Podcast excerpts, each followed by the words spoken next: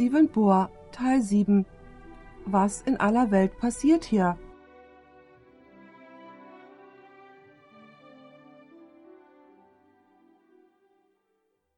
Lasst uns beten. Unser Vater im Himmel, wir danken dir noch einmal für das Vorrecht, hier zu sein, um dein heiliges Wort zu studieren. Wir bitten dich, wenn wir nun zu entschlüsseln versuchen, was in dieser Welt geschieht, dass dein Heiliger Geist uns anleitet und uns hilft, uns noch mehr nach diesem großen Tag zu sehnen, wenn das Böse und alles Leiden zu Ende geht so öffne nun unseren Sinn und unsere Augen.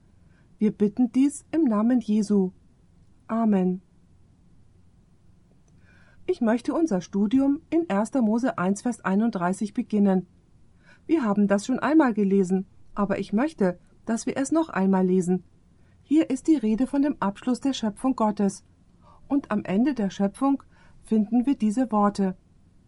Und Gott sah alles an, was er gemacht hatte, und siehe da, es war sehr gut. Da ward aus Abend und Morgen der sechste Tag. So wird uns nun am Abschluss der Schöpfungswoche gesagt, mit Ausnahme des siebten Tages, was wir später noch betrachten werden, dass alles, was Gott gemacht hat, sehr gut war. Dies schließt das Pflanzenreich mit ein. Der Garten Eden war wie ein botanischer Garten. Die Bibel erzählt uns, dass es dort keine Dornen gab und keine Disteln. Und vor der Sünde gab es auch kein Unkraut. Auch das Tierreich wird mit eingeschlossen. Gemäß Vers 30 waren alle Tiere vor der Sünde Vegetarier, und so heißt es in den Versen 29 und 30. Und Gott sprach: Seht da, ich habe euch gegeben allerlei Kraut, das sich besamt auf der ganzen Erde, und allerlei fruchtbare Bäume, die sich besamen zu eurer Speise, und allem Getier auf Erden und allen Vögeln unter dem Himmel und allem Gewürm, das da lebt auf Erden, dass sie allerlei grünes Kraut essen. Und es geschah also. Dies schließt auch das Reich der Menschen ein. Sie waren in vollkommener Harmonie und Übereinstimmung. Die Bibel erzählt uns, dass Adam und Eva eins waren. Sie wurden von Gott erschaffen aber Gott hat einen Test in den Garten gestellt, und wenn Adam und Eva diesen Test bestehen würden, dann würde die Schöpfung weitergehen, wie Gott es beabsichtigt hatte. Aber wenn Adam und Eva diesen Test nicht bestehen würden, dann würde die Schöpfung ins Chaos, in die Unordnung fallen. Nun, dieser Test hatte mit einem Baum zu tun. Geht mit mir zu 1. Mose 2, Verse 16 und 17. Gott stellte einen Test in den Garten Eden. Er sagte, die Schöpfung wird gut weitergehen, wie ich sie erschaffen habe, solange wie ihr euch davon zurückhaltet, von dem Baum zu essen, solange wie ihr mein Gebot beachtet. Und wie wir gesehen haben, sind alle Gebote in diesem einen enthalten. Die Bibel sagt uns, dass Adam und Eva gesündigt haben, und als Ergebnis wurde die Schöpfung zum großen Teil in die Unordnung geworfen. Und wie uns in 1. Mose 3, Vers 18 gesagt wird, fing die Erde an, Dornen und Disteln hervorzubringen, die vor der Sünde unbekannt waren. Die Bibel sagt auch, dass das Tierreich ein gewalttätiges Reich geworden ist. Die Tiere fingen an, andere Tiere zu töten, um sie zu fressen. Wir sehen auch, dass das Ergebnis der Sünde war, dass die Einheit, die zwischen Adam und Eva bestand, gebrochen wurde wie wir in unserem letzten Vortrag erwähnt haben. Adam hat Gott die Schuld dafür gegeben, dass er ihm Eva gegeben hat, und Eva schob Gott die Schuld in die Schuhe und ebenso der Schlange. Mit anderen Worten, als Ergebnis der Sünde wurde diese Einheit zerbrochen. Etwas Schreckliches ist dieser Welt als Ergebnis der Sünde zugestoßen. Wisst ihr, was also gewesen ist, bevor die Sünde in die Welt gekommen ist, war, dass sich alles nur um den anderen drehte, dem anderen zu helfen, für den anderen zu leben. Aber nach der Sünde hat das Ich den Thron bestiegen. Der Blick des Menschen wurde verändert und lag nun nicht mehr auf dem anderen, sondern auf sich selber. Dies geschah als Ergebnis dessen, dass Satan zu Eva sagte Du brauchst nicht von Gott abhängig zu sein. Du brauchst ihn nicht anzubeten oder ihm zu gehorchen. Du kannst selber Gott sein. Und so wurde der Kern des Menschen von Gott und von anderen auf das eigene Ich verlagert. Mit anderen Worten, das Herz des Menschen wurde verdorben und geistlich krank. Und als Ergebnis des Zustandes des menschlichen Herzens widerspiegelte nun sein Verhalten den Zustand seines Inneren. Geht mit mir zu 1. Mose Kapitel 4 Vers 8. Hier haben wir den ersten Mord in der menschlichen Geschichte. Uns wird in Vers 8 gesagt: Da redete Kain mit seinem Bruder Abel, und es begab sich, da sie auf dem Felde waren, erhob sich Kain wider seinen Bruder Abel und schlug ihn tot. Was uns nun nicht in 1. Mose gesagt wird, sondern in einem Text, den wir gleich mal lesen werden, ist, dass etwas mit Kain geschehen ist, bevor er tatsächlich diesen Mord begangen hat. Geht mit mir zu 1. Johannes Kapitel 3. Wisst ihr, das Problem mit Kain war nicht sein Verhalten, sein Problem war sein Herz, das, was ihn im Kern ausmachte. Er wurde wütend auf seinen Bruder, weil etwas mit seinem Herzen nicht in Ordnung war. Uns wird in 1. Johannes 3, Vers 12 gesagt: Nicht wie Kain, der von dem Bösen stammte und seinen Bruder umbrachte. Und warum hat er ihn umgebracht? Weil seine Werke böse waren und die seines Bruders gerecht. Lasst uns zu Vers 15 gehen. Dort wird uns gesagt, was mit Kain passiert ist, bevor er seinen Bruder getötet hat. Es heißt hier, wer seinen Bruder hasst, der ist ein Totschläger. Und ihr wisset, dass ein Totschläger hat nicht das ewige Leben bei ihm bleibend. Nun, das ist interessant. Nicht nur ist die Tat des Mordes eine Verletzung des sechsten Gebotes, das sagt, du sollst nicht töten. Aber gemäß 1. Johannes 3, Vers 15 begeht schon derjenige einen Mord im Herzen, der seinen Bruder hasst.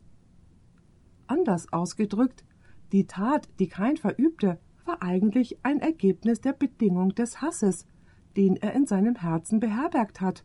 Das Problem, das Kain hatte, war also nicht mit seinen Taten, sondern mit seinem Herzen. Geht mit mir zu 1. Mose Kapitel 6. Wir gehen Stück für Stück durch dieses Buch. Dies spricht von den vorsintflutlichen Menschen. Sie sind durch und durch verdorben geworden. Ich möchte, dass ihr seht, wo das Problem begann. Es heißt hier in 1. Mose 6, Vers 5. Da aber der Herr sah, dass der Menschen Bosheit groß war auf Erden und alles Dichten und Trachten ihres Herzens nur böse war immer da. Wo fing das Problem an? in den Gedanken des Herzens. Nun seht, was das Ergebnis davon ist. Verse 11 und 12. Es heißt hier, aber die Erde war verderbt vor Gottes Augen und voll Frevels. Da sah Gott auf die Erde, und siehe, sie war verderbt, denn alles Fleisch hatte seinen Weg verderbt auf Erden. Wenn die Bibel den Ausdruck auf diese Art benutzt, dann bedeutet das, dass die Welt ihr Betragen verdorben hat ihre Taten waren verdorben. Aber ihr habt gesehen, dass die Hauptursache darin lag, dass alles Dichten und Trachten ihres Herzens nur böse war immer da. Anders gesagt, das Problem lag nicht in ihrem Betragen, das Problem lag in der Wurzel, im Herzen, das sie zu diesem falschen Verhalten geführt hat. Lasst uns nun ein Stück weiter zu 1. Mose 8, Vers 21 gehen. Dies ist nach der Sintflut. Und beachtet, was wir in diesem Vers finden. Das ist sehr aufschlussreich. Dies ist nachdem Noah ein Opfer dargebracht hat. Es heißt hier. Und der Herr roch den lieblichen Geruch und sprach in seinem Herzen, ich will hinfort nicht mehr die Erde verfluchen, um der Menschen willen, denn das Dichten des menschlichen Herzens ist böse von Jugend auf, und ich will hinfort nicht mehr schlagen alles, was da lebt, wie ich getan habe. Habt ihr das ergriffen? Gemäß diesem Text ist das Dichten des menschlichen Herzens böse von Jugend auf. Noch einmal finden wir, dass das Problem mit den Menschen in ihrem Herzen liegt. wohingegen ihr Herz zuvor zu Gott in Liebe zu ihm hingegangen ist, ging es nun aus in Liebe von Adam zu Eva und von Eva zu Adam, und dann kam als Ergebnis der Sünde, dass jeder nur noch auf sich selber geschaut hat. Betrachten wir also 1. Mose 27, Vers 41. Hier ist der gleiche Gedanke, dass das Problem eine Herzkrankheit ist. Das Problem sind nicht die bösen Taten, das Problem ist die Wurzel. Ihr wisst, wenn die Wurzel schlecht ist, dann gibt es schlechte Früchte. Und oftmals kümmern wir uns nur um die Früchte, anstatt uns um die Wurzel zu kümmern. Geht mit mir nun zu 1. Mose 27, Vers 41. Und dies wird das letzte Beispiel aus 1. Mose sein, weil wir uns anschauen wollen, wie sich dieser Gedanke auch durch den Rest der Bibel entwickelt.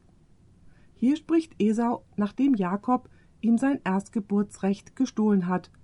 Es heißt in Vers 41, Und Esau war Jakob Gram, um des Segens willen. Was hat er getan? Er war ihm Gram, er hasste ihn.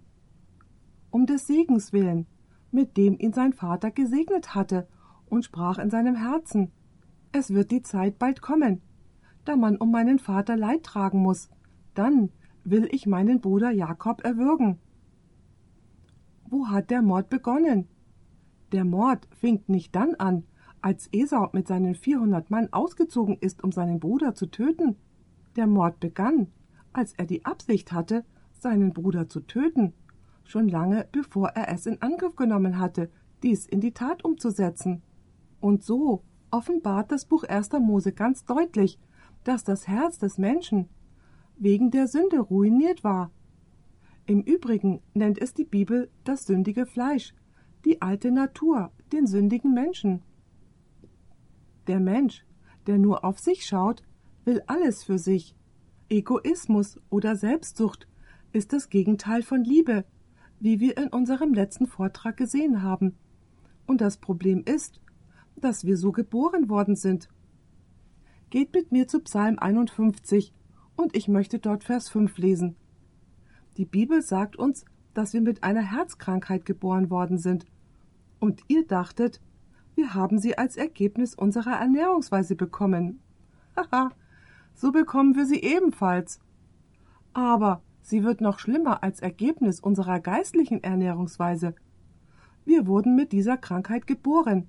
Beachtet Psalm 51, Vers 5. Hier sagt David: Siehe, ich bin in sündlichem Wesen geboren, und meine Mutter hat mich in Sünden empfangen. Nun, dies bedeutet nicht, dass wir tatsächlich an der ursprünglichen Sünde von Adam Schuld haben. Es bedeutet, dass wir eine sündige Natur von Adam geerbt haben, eine selbstsüchtige Natur. Anders ausgedrückt, wir wurden selbstsüchtig geboren. Ihr sagt vielleicht, sind wir nicht? Nun, Gibt es etwas Selbstsüchtigeres als ein Baby? Für ein Baby gibt es niemand anderen auf der Welt außer ihm oder ihr. Wenn ihr das nicht glaubt, dann gebt dem Baby das Fläschchen mal nicht, wenn es meint, es bräuchte dieses. Es sagt ganz höflich Mami, würdest du mir jetzt bitte mein Fläschchen geben? Ihr wisst, dass dies nicht so ist. Das Baby schreit und strampelt mit den Beinen wird rot im Gesicht und sagt damit Weißt du nicht, dass ich Hunger habe? Wir werden selbstsüchtig geboren. Und dann, wenn das Kind drei Jahre alt ist, gehen die Eltern einkaufen. Der kleine Johnny geht in die Spielzeugabteilung und sieht einen LKW, der ihm gefällt. Und er greift sich diesen LKW und er geht zu Mami und sagt Mami, ich möchte diesen LKW haben. Und Mami sagt, heute nicht, Johnny. Mami, ich will diesen LKW. Und Mami sagt nochmal, heute nicht, Johnny. Mami! Und er fängt an zu schreien und sein Kopf wird rot. Und ich habe schon Kinder gesehen, die sich auf den Boden werfen und mit den Beinen strampeln, weil Mami mir diesen LKW vorrangig vor allen Dingen nicht gekauft hat. Und dann wird der kleine Johnny natürlich größer und dann heiratet er irgendwann mal. Und zwei Monate lang geht alles gut, aber dann fängt er an sich zu beschweren. Sie bügelt meine Sachen nicht, sie wäscht meine Sachen nicht, sie lässt die Kartoffeln anbrennen, sie befriedigt meine sexuellen Bedürfnisse nicht. Was ist hier der Gedanke? Sie macht es nicht für mich, für mich, für mich, für mich, für mich. Das ist Selbstsucht. Gemäß David sind wir in Sünden empfangen worden und wir werden selbstsüchtig geboren. Und deswegen können wir niemals unserem eigenen Herzen vertrauen. Seht, was wir im Buch Jeremia Kapitel 17 Vers 9 finden. Hier finden wir noch eine Einzelheit über unseren Zustand als Ergebnis der Sünde. Es heißt hier Es ist das Herz ein trotzig und verzagtes Ding. Wer kann es ergründen? Das ist eine krasse Beschreibung unseres Herzens. Die Schlachterbibel übersetzt den Vers wie die King James Bibel. Überaus trügerisch ist das Herz und bösartig. Wer kann es ergründen? Und im Original Hebräischen heißt es, das Herz ist sterbenskrank. Wer kann es erkennen? Lasst uns nun Sprüche 28, Vers 26 lesen. Dies ist ein guter Ratschlag für junge Leute, die darüber nachdenken, miteinander auszugehen und zu heiraten.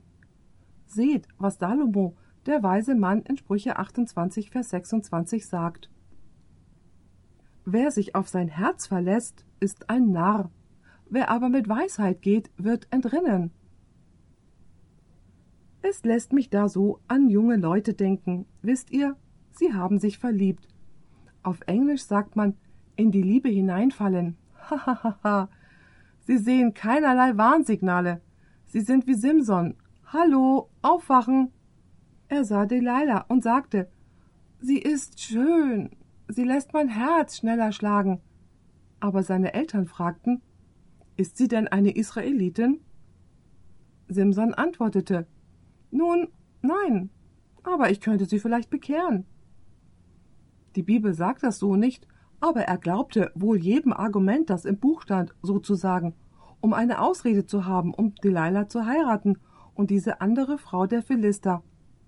Und sie haben sich verliebt und geheiratet. Und das Ergebnis davon war dann, nachdem er sagte, holt sie für mich, denn sie gefällt meinen Augen, dass genau dies dazu führte, dass er später seine Augen verlor, weil sie ihm ausgestochen worden sind, und er wurde zu einem Diener und hat die Mühle gemahlen, weil er seinen Augen gefolgt ist, weil er seinem Herz gefolgt ist, und das Herz ist betrügerisch. Denn wir werden in Sünde empfangen. Wisst ihr, dass Jesus wusste, wie viel Macht das Herz hat? Ich bin darüber erstaunt, wie oft Jesus darüber redet, dass das Herz die Quelle allen Übels ist, ebenso wie von allem Guten. Meistens spricht er vom Herzen, dass es ein gefährliches Ding ist, ihm zu vertrauen, weil es zum Bösen führt, weil das Böse dem Herzen entspringt, aus der selbstsüchtigen und ich-bezogenen Natur und aus dieser bösartigen Selbstsucht. Lass uns nun ein paar Verse lesen, wo Jesus über das Herz spricht. Matthäus 6, Vers 21. Hier spricht Jesus über Geld. Ist das heutzutage in dieser Welt ein Problem? die Liebe zum Geld? Der Apostel Paulus sagt in 1. Timotheus 6, Vers 10: Denn die Geldgier ist eine Wurzel alles Bösen. Ich denke, wir können dem zustimmen.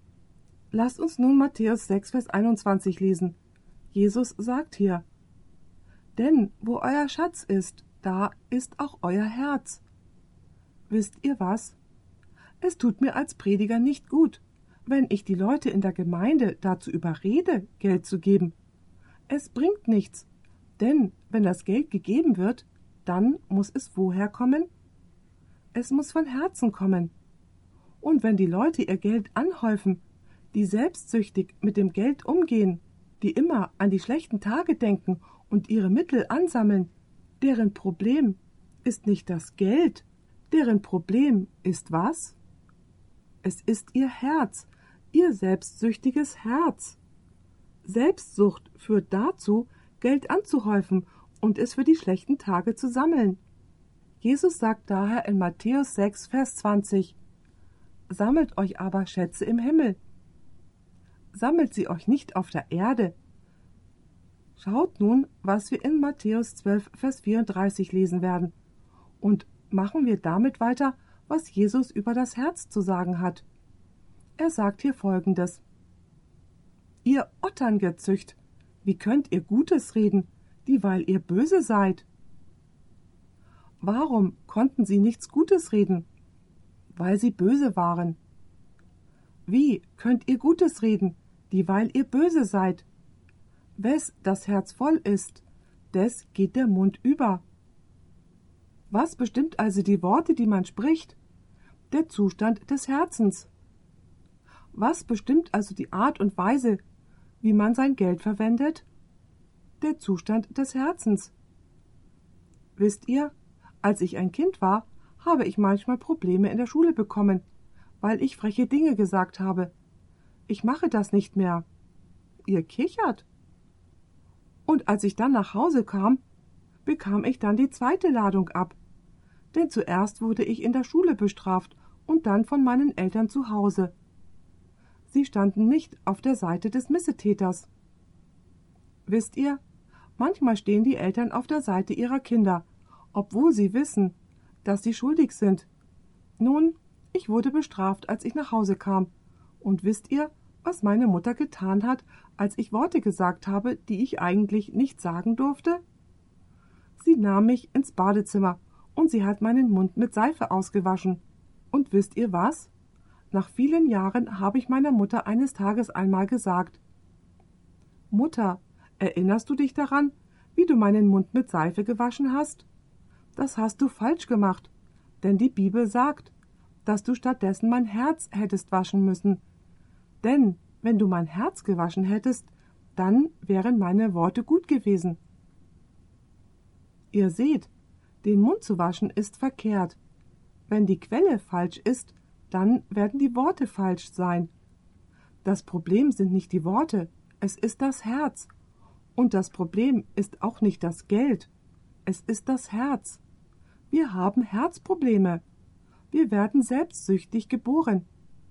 Irgendetwas muss mit dem selbstsüchtigen Herzen passieren, oder wir werden uns unser Leben lang elend fühlen, und wir werden dazu auch noch unser ewiges Leben verlieren.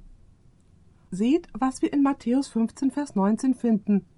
Jesus hatte viel über das Herz zu sagen und welchen Einfluss es auf all unsere Handlungen hat. Beachtet seine Worte, denn aus dem Herzen. Habt ihr das ergriffen? Denn aus dem Herzen kommen arge Gedanken, Mord, Ehebruch, Hurerei, Dieberei, Falschzeugnis, Lästerung. Woher kommen alle Handlungen? Aus dem Herzen. Und übrigens sind dies die Dinge, die einen Menschen verunreinigen, wie Jesus sagt. Nun möchte ich euch fragen, ist diese Liste eine Liste der Verletzung der zehn Gebote? Habt ihr das gemerkt? Welches Gebot ist Mord? Das sechste Gebot, du sollst nicht töten. Wie steht es mit Ehebruch, dem siebten Gebot? Du sollst nicht Ehe brechen. Was ist mit Diebstahl? Das achte Gebot, das sagt, du sollst nicht stehlen. Und was ist mit dem neunten Gebot, das heißt, du sollst nicht falsch Zeugnis reden? Anders ausgedrückt, woher kommt die Übertretung vom Gesetz Gottes? Es kommt aus dem Herzen. Wenn du nun von einem Übertreter des Gesetzes zum Bürger in Gottes Reich wechseln willst, der die Gebote hält, wo muss dieses Problem dann gelöst werden? Dieses Problem muss im Herzen gelöst werden. Denn alle Übertretungen des heiligen Gesetzes Gottes, der zehn Gebote Gottes, kommen laut Bibel aus dem Herzen lesen wir nun Matthäus 5. Wisst ihr, Jesus hatte so viel über das Herz als die Quelle für alle unsere bösen Taten zu sagen. Hier spricht Jesus vom Ehebruch und in Matthäus 5, Verse 27 und 28 sagt er folgendes. Ihr habt gehört, dass zu den Alten gesagt ist, du sollst nicht Ehe brechen. Ist das eines der zehn Gebote? Ja klar. Aber nun seht euch das an. Ich aber sage euch, wer ein Weib ansieht, ihrer zu begehren, der hat schon mit ihr die Ehe gebrochen in seinem Herzen. Wow. Wenn wir diese Erklärung anwenden, wie viele männliche Ehebrecher würde es dann auf dieser Welt geben, die zwar niemals tatsächlichen Ehebruch begangen haben, aber die gewiss begehrt haben oder sich nach einer anderen Frau als nach ihrer eigenen Ehefrau gelüsten ließen. Und genauso ist es auch umgekehrt, weil Frauen das Gleiche von ihrer Seite aus machen. Habt ihr bemerkt, dass Jesus nicht gesagt hat, dass wenn einem danach gelüstet, man dazu geführt wird, Ehebruch zu begehen? Er sagte, dass Gelüste schon Ehebruch ist. Er sagt ja, wer ein Weib ansieht. Also eine andere Frau als die eigene Ehefrau. Ihrer zu begehren, der hat schon mit ihr die Ehe gebrochen in seinem Herzen. Ehebruch wird schon begangen, wenn wir das Gefühl oder den Gedanken in unserem Herzen haben, noch bevor die Tat stattfindet. Wow. Jesus legt die Messlatte hoch an. Ihr wisst, dass viele Leute sagen, dass Jesus die zehn Gebote hinweggetan hat. Nein, Jesus hat die zehn Gebote verstärkt. Er sagt, ihr habt gehört, dass ihr keinen Ehebruch begehen sollt, und ihr denkt, weil ihr mit der Frau eines anderen Mannes nicht ins Bett gegangen seid, dass ihr keinen Ehebruch begangen habt. Lasst mich die Messlatte ein bisschen höher anbringen. Dieses Gebot reicht bis in eure bösen Gedanken hinein. Ihr habt seit alter her gehört, dass ihr nicht töten sollt. Aber hört gut zu. Wenn ihr euren Bruder einen Narren nennt und ihn hasst, dann habt ihr schon einen Mord im Herzen begangen. Also, anstatt dass Jesus die zehn Gebote abgeschafft hat, hat er sie noch verschärft und verstärkt. Uns wird in Jesaja 42, Vers 21 gesagt, dass Jesus das Gesetz vergrößern würde. Es heißt hier also, der Herr wollte ihnen um seiner Gerechtigkeit willen, dass er das Gesetz herrlich und groß mache. So, seht ihr das Problem, das die Welt heutzutage hat? Das Problem liegt nicht in den falschen Taten, sondern worin liegt das Problem? Es liegt im Herzen. Man hört heutzutage, dass viele Leute denken, dass die Regierung die moralischen Angelegenheiten in der Gesellschaft lösen wird. Sie sagen, wenn die Regierung ein Gesetz erlassen würde, das verbietet, dass Schwule heiraten können, dann würde das Problem gelöst werden. Wenn man nur die Regierung dazu bekommen könnte, Pornografie zu verbieten, dann würde dieses Problem auch gelöst sein. Lasst mich euch etwas sagen.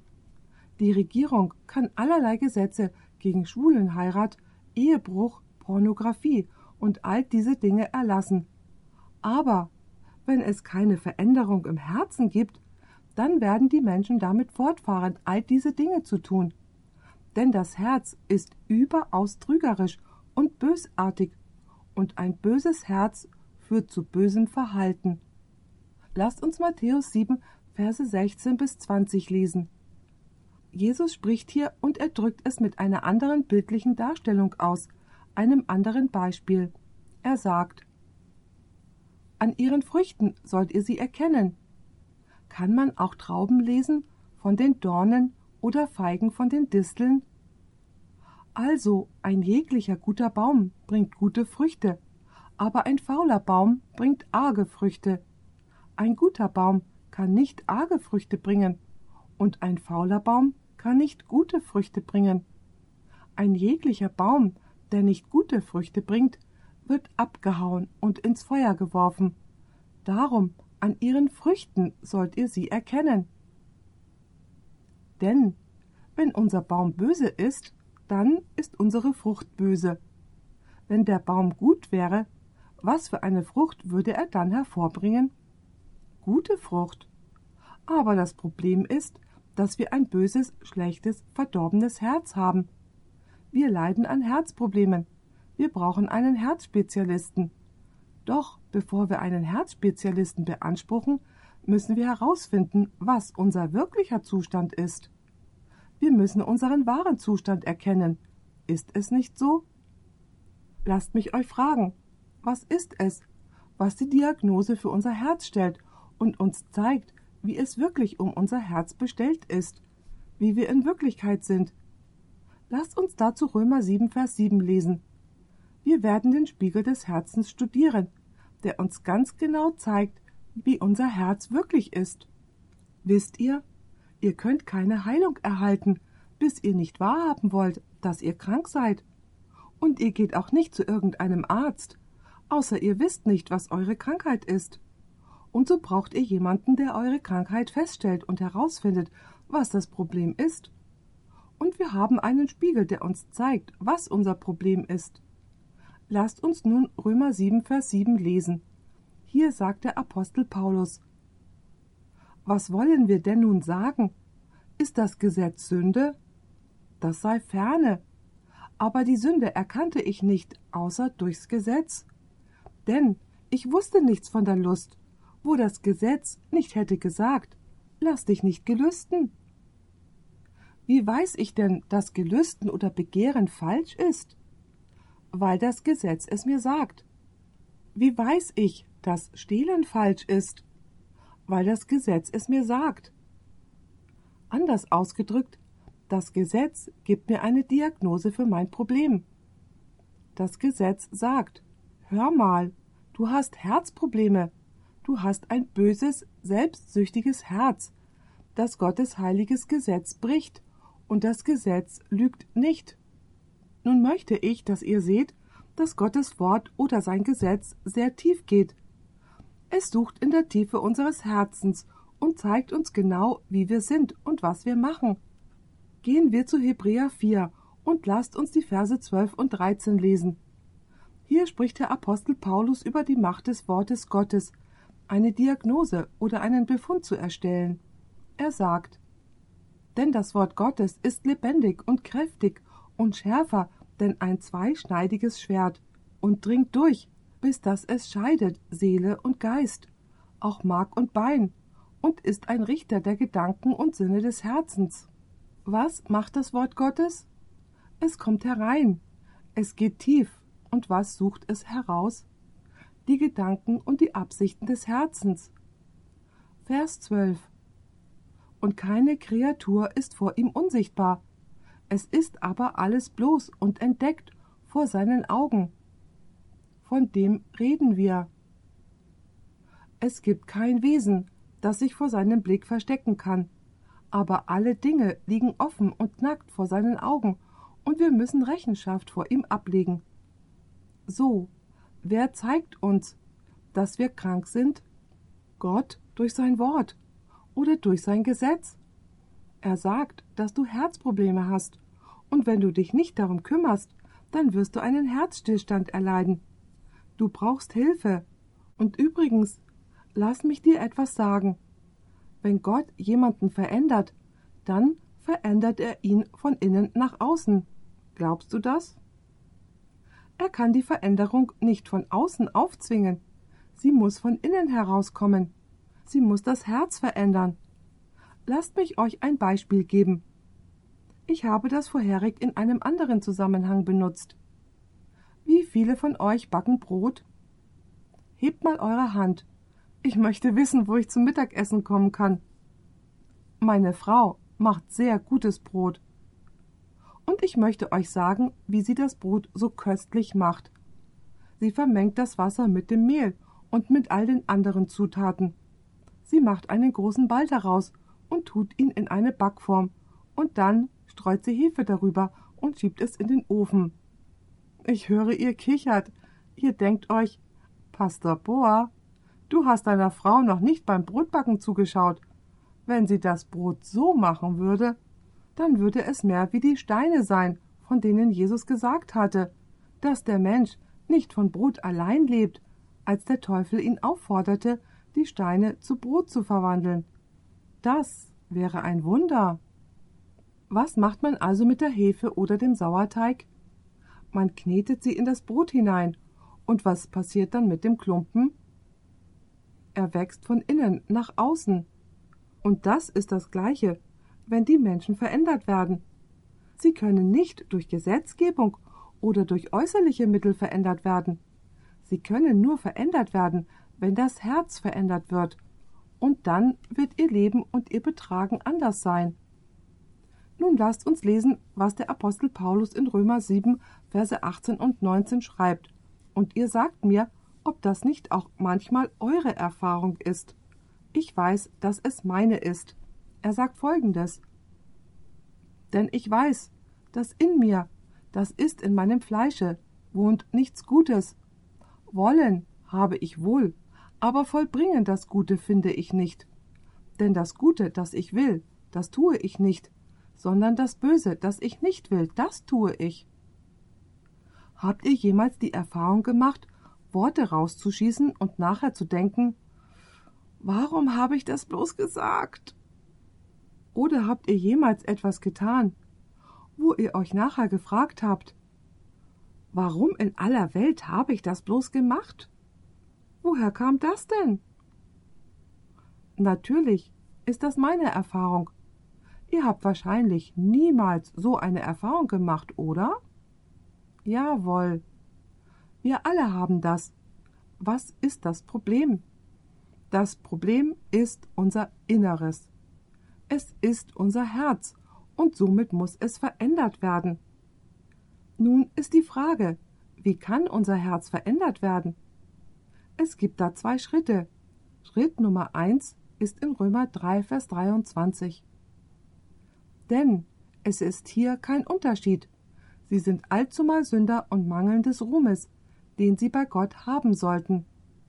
Das Erste, was wir erkennen müssen, ist was?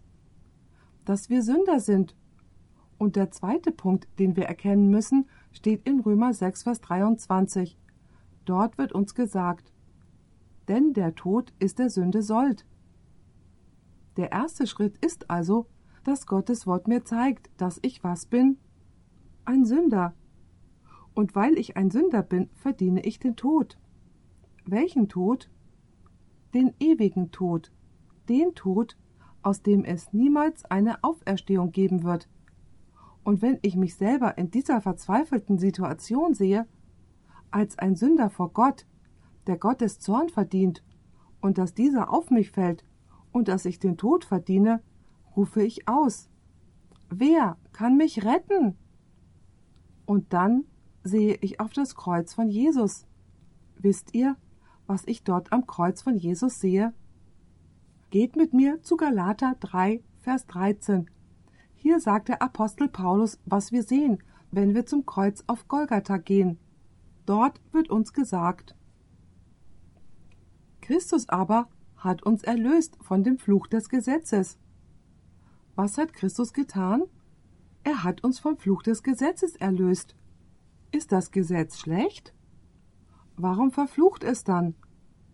Der Grund dafür ist, weil wir Sünder sind. Das Gesetz sagt mir, du bist ein Sünder. Du bist verflucht. Du verdienst es zu sterben. Aber es heißt hier doch, Christus aber hat uns erlöst von dem Fluch des Gesetzes. Und wie hat er das getan? Da erwart ein Fluch für uns, denn es steht geschrieben, Verflucht ist jedermann, der am Holz hängt. Wenn ich nun zum Kreuz auf Golgatha komme und ich Jesus dort am Kreuz sehe, was sehe ich? Ich sehe den einen, der meine Sünde auf sich genommen hat, unverdienterweise. Er hat sie auf sich genommen. Er hat den Fluch erlitten. Er hat den Fluch erlitten, den ich hätte erleiden sollen. Er hat den Tod erlitten, den ich hätte erleiden sollen. Und wenn ich Jesus im Garten Gethsemane sehe, wie er große Blutstropfen schwitzt, und wenn ich ihn am Kreuz sehe, dann höre ich ihn ausrufen, wie in Matthäus 27, Vers 46 steht. Mein Gott, mein Gott, warum hast du mich verlassen? Und wenn ich sehe, wie er geschlagen und gemartert wird, dann sage ich zu Jesus, warum ist dir das passiert? Und Jesus sagt, der Sünde Sold ist der Tod. Ich trage deine Leiden und deinen Tod. Ich nehme deinen Fluch auf mich. Wenn ich Jesus in diesem Zustand sehe, sage ich, Herr, Sünde ist ein schreckliches Monster. Schau, was es dir angetan hat. Ich hasse die Sünde. Ich liebe dich. Und in diesem Moment findet eine Veränderung in meinem Herzen statt. Nun hört mein Herz auf, ein selbstsüchtiges Herz zu sein, und es wird zu einem Herz, das als Ergebnis von dem, was Jesus gewillt war für mich zu tun, mit Liebe erfüllt wird. Eine Veränderung findet in meinem Leben statt, und wie es in Sacharja 12, Vers 10 heißt. Und sie werden mich ansehen, welchen sie zerstochen haben, und werden um ihn klagen, wie man klagt um ein einziges Kind, und werden sich um ihn betrüben, wie man sich betrübt um ein erstes Kind. Das sollte passieren, wenn wir zum Kreuz kommen und wir Jesus sehen, wie er den Fluch für uns erleidet. Wir sollten ausrufen und sagen Die Sünde ist fürchterlich und entsetzlich. Herr, ich will nichts mehr mit der Sünde zu tun haben. Und wisst ihr, siehe da, wenn wir mit dieser Einstellung kommen, dann sagt uns 1. Johannes 1, Vers 9, was das Ergebnis sein wird. So wir aber unsere Sünden bekennen, so ist er treu und gerecht, dass er uns die Sünden vergibt und reinigt uns von aller Untugend. Anders gesagt, ich betrachte das Kreuz und denke darüber nach, und ich kann mit einer Gewissheit der Vergebung nach Hause gehen. Keine Schuld mehr. Ich muss nicht mehr umherlaufen und die Schuld die ganze Zeit mit mir herumtragen. Ich habe die Gewissheit der Vergebung in Jesus. Nun, viele Christen wollen da stehen bleiben. Sie sagen, Oh, wie schön, Jesus hat alles bezahlt, so muss ich es nicht tun. Jesus ist gestorben, so dass er mir vergeben kann. Aber viele Christen machen mit dem gleichen Leben weiter, wie sie es gewohnt waren, bevor sie zu Jesus gekommen sind. Wie ist das möglich?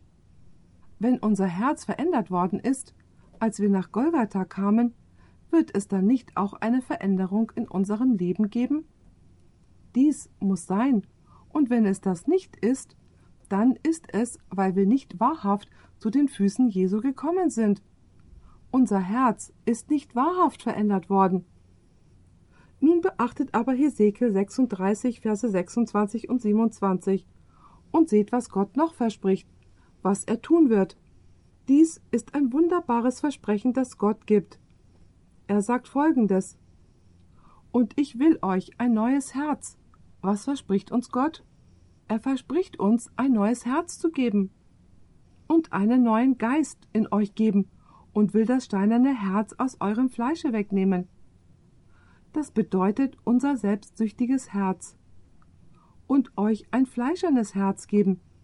Ich will meinen Geist in euch geben. Und nun beachtet dies. Werden wir dem Herrn jetzt gehorsam sein? Oh ja, wir werden ihm von Herzen gehorsam sein. Es heißt weiter. Und will solche Leute aus euch machen, die in meinen Geboten wandeln und meine Rechte halten und danach tun. Nicht, weil wir es müssen, sondern was ist mit unserem Herzen geschehen? Es ist verändert worden. Wisst ihr, da muss ich an Adam denken. Könnt ihr euch vorstellen, wie das wohl gewesen sein mag, als Adam das erste Opfer darbringen musste? Es gab keinen Tod in der Welt, und nun sagte der Herr zu ihm, dass er dieses kleine unschuldige Lamm und ein Messer nehmen und die Kehle des Lammes aufschlitzen sollte. Und dann ist das Blut herausgespritzt, und das kleine Lamm liegt leblos in den Armen von Adam, und das in einer Welt, wo es bisher keinen Tod gab. Und Gott sagt zu Adam, dieses Lamm versinnbildet deinen Schöpfer. Das ist viel schlimmer, als nur ein Tier zu töten. Du denkst, das ist schrecklich. Dieses Lamm steht für das Lamm Gottes, das der Welt Sünde wegnimmt. Denkt ihr, Adam hat die Sünde ab diesem Zeitpunkt anders betrachtet? Oh, er hat die schreckliche Natur der Sünde verstanden. Er hat verstanden, dass sie Jesus einst das Leben kosten würde. Und nebenbei gesagt, in diesem Moment war Adam erneuert, er war wiedergeboren. Sein Herz wurde verändert. Nun betrachtet mit mir diese wunderbare Verheißung in Jeremia 31, Vers 33. Dies ist ein sehr schönes Versprechen, das Gott gibt. Das soll der Bund sein, den ich mit dem Hause Israel machen will nach dieser Zeit, spricht der Herr. Ich will mein Gesetz in ihr Herz geben und in ihren Sinn schreiben, und sie sollen mein Volk sein, so will ich ihr Gott sein. Was hat Gott versprochen, wo er sein Gesetz hinschreiben wird? Er wird es in unseren Sinn und unser Herz schreiben. Und dann, wenn das Gesetz in unserem Herzen ist, wie wird dann unser Betragen sein? Unser Betragen wird den Zustand unseres Herzens widerspiegeln. Übrigens, viele Christen sind, was diesen Punkt betrifft, im Irrtum. Sie sagen, dass Gott die zehn Gebote, die auf Stein geschrieben worden sind, losgeworden ist. Er hat diese alten Gebote ans Kreuz genagelt. Lasst mich euch etwas sagen. Gott hat sich der zehn Gebote nicht entledigt. Der neue Bund ist kein Bund der Gnade, während der des Alten Testamentes ein Bund des Gesetzes war. Im Alten Testament war das Gesetz auf zwei Tafeln aus Stein geschrieben. Im Neuen Testament verändert sich das Gesetz nicht. Der Ort, wo das Gesetz geschrieben steht, verändert sich. Habt ihr meinen Punkt ergriffen oder nicht? Man kann keine Tafeln aus Stein beleidigen. Man kann ihnen auch nicht wehtun. Und egal, wie sehr du auch versuchst, dich mit dem zu messen, was du da in Stein geschrieben findest, du sagst dir, okay, mal sehen, wie ich abschneide. Und dann machst du eine Liste, um zu sehen, wie sich dein Leben dem Code ähnelt, der da auf den zwei Tafeln aus Stein geschrieben steht. Es ist zwecklos, wenn du ein schlechtes Herz hast, denn du kannst diesen Code nicht halten. Aber wenn Gott sein Gesetz nimmt, wenn du bekehrt bist, wenn du zu Jesus kommst, wenn du siehst, wie teuer die Sünde ist, wie sehr sie dem Herzen Gottes wehtut und ebenso anderen, diese Liebe erfüllt das Gesetz. Dann nimmt Gott sein Gesetz und er schreibt es in dein Herz, und es wird ein Vergnügen, ein Vorrecht und eine Freude sein, Gottes Gesetz zu gehorchen. Nicht, weil wir es müssen, sondern weil wir es wollen. Das ist der Grund, warum Jesus in dem sehr bekannten Vers in Johannes 14, Vers 15 gesagt hat: Liebet ihr mich, so haltet ihr meine Gebote. Nebenbei gesagt, das ist auch der Grund, warum es im Psalm 40, Vers 8 eine messianische Prophezeiung gibt, die im Hebräerbuch zitiert wird. Als Jesus kurz davor stand, in diese Welt zu kommen, sagte er Deinen Willen, mein Gott, tue ich gern, und dein Gesetz habe ich in meinem Herzen. Ich mag mir Gott als den großen Herzspezialisten vorstellen, besser als alle Doktoren auf der Welt. Aber wisst ihr was? Gott pflanzt keine Herzschrittmacher ein, er legt auch keinen Bypass, er implantiert auch keine Schweineherzklappen. Die einzige Art von Operation, die Gott durchführt, sind Herzverpflanzungen.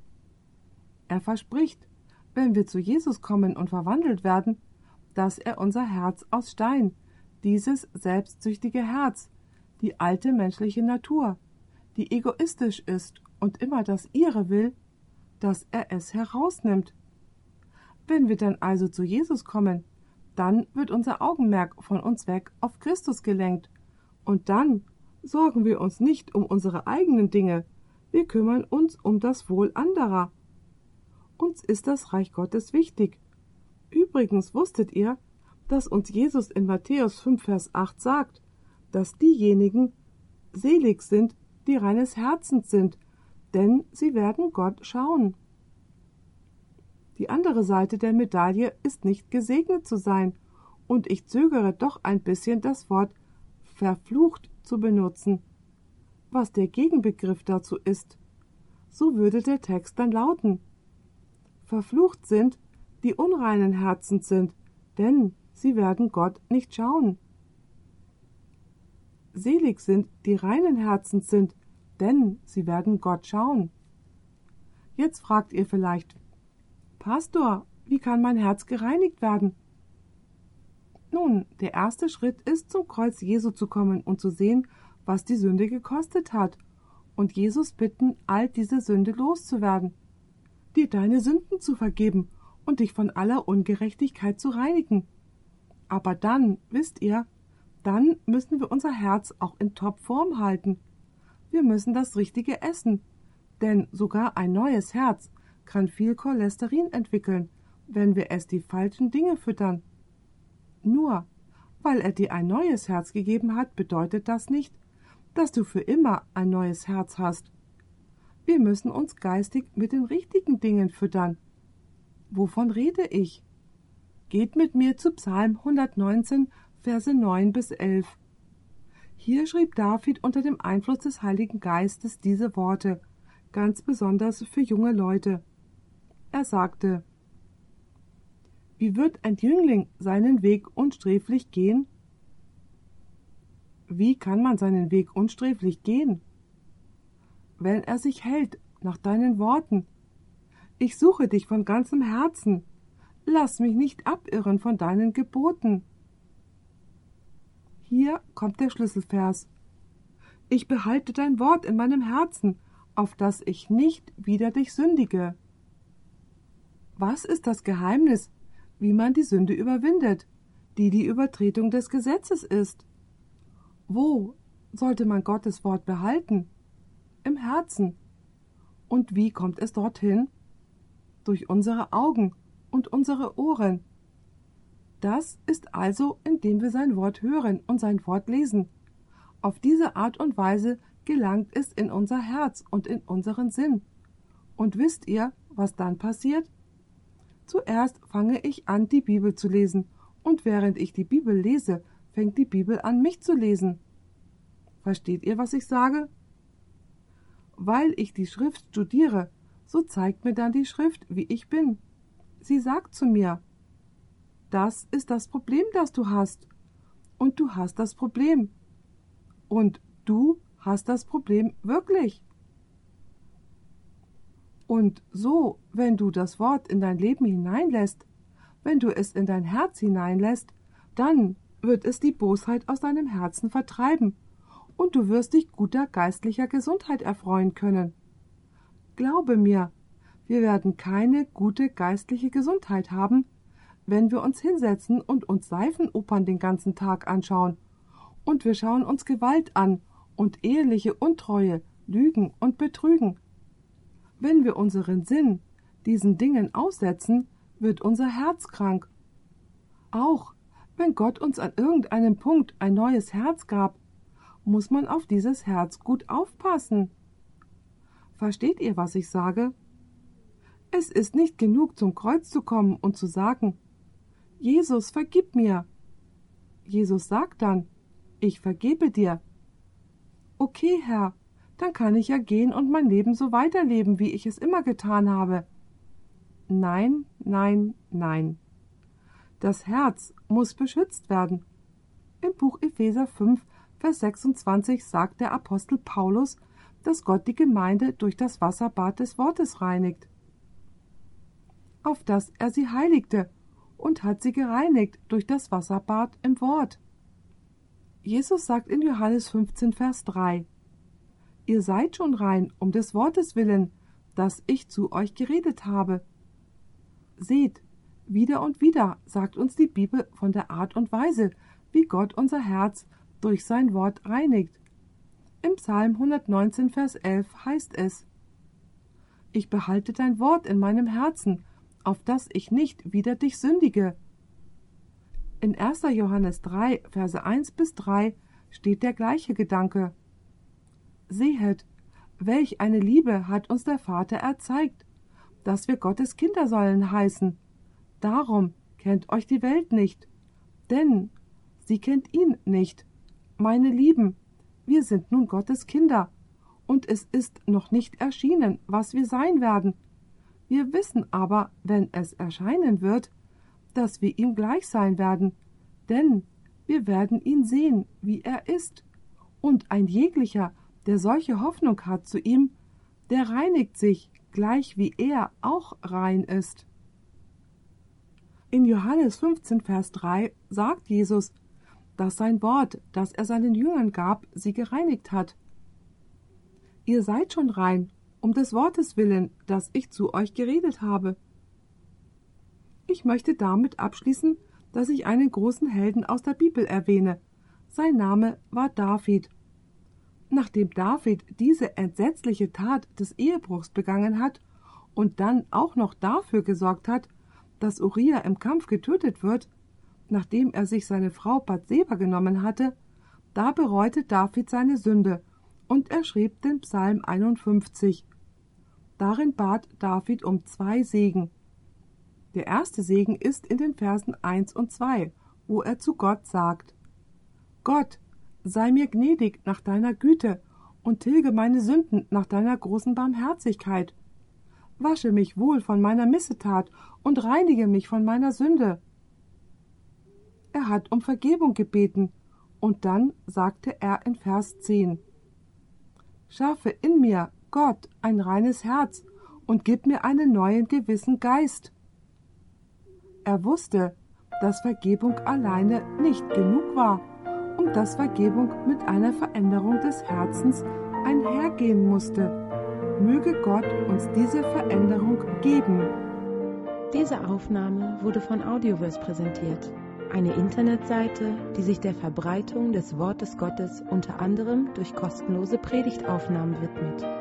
Für mehr Informationen über Audioverse und für weitere Predigten empfehlen wir unsere Internetseite www.audioverse.org.